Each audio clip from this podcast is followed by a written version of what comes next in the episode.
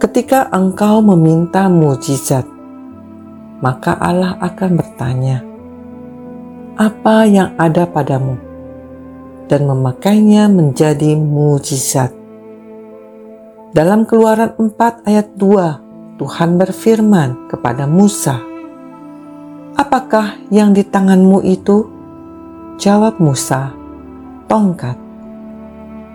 Kita tahu kemudian melalui tongkat inilah Allah membuat mukjizat demi mukjizat. Tongkat dilempar menjadi ular. Tongkat dicelupkan ke air di Mesir yang kemudian berubah menjadi darah. Tongkat diangkat ke atas, maka bangsa Israel menang terhadap musuhnya, dan sebagainya, dan sebagainya. Allah memang tidak membuat meja. Allah juga tidak membuat kursi. Allah hanya membuat pohon. Oleh sebab itu, jangan berdoa untuk sebuah meja, karena Tuhan tidak membuat meja. Dia membuat pohon.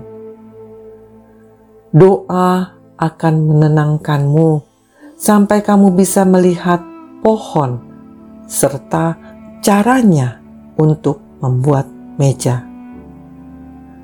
Doa menempatkan kita pada tempat persediaan.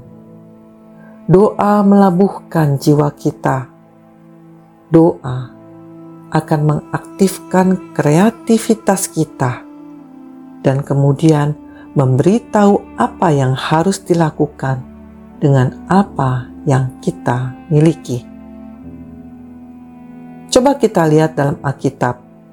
Hampir semua mukjizat dalam Alkitab menggunakan sesuatu yang sudah dimiliki oleh orang tersebut.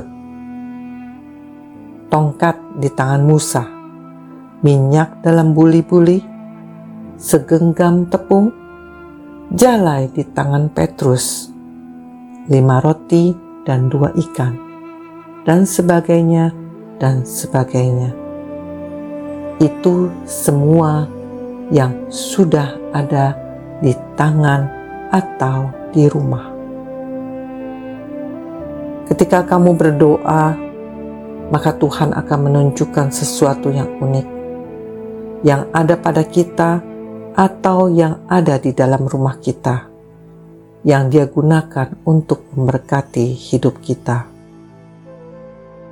Tuhan punya berbagai cara yang unik untuk memberkati kita, dan Ia senang memakai yang ada pada kita, ada di tangan kita, atau ada dalam rumah kita.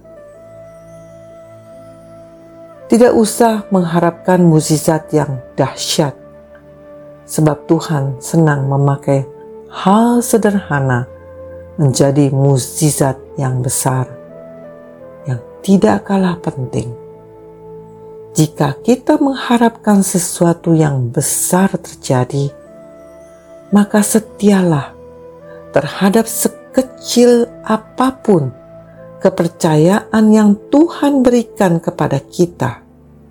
Maka kesetiaan kita akan membuat Tuhan mempercayakan hal-hal yang lebih besar lagi. Amin.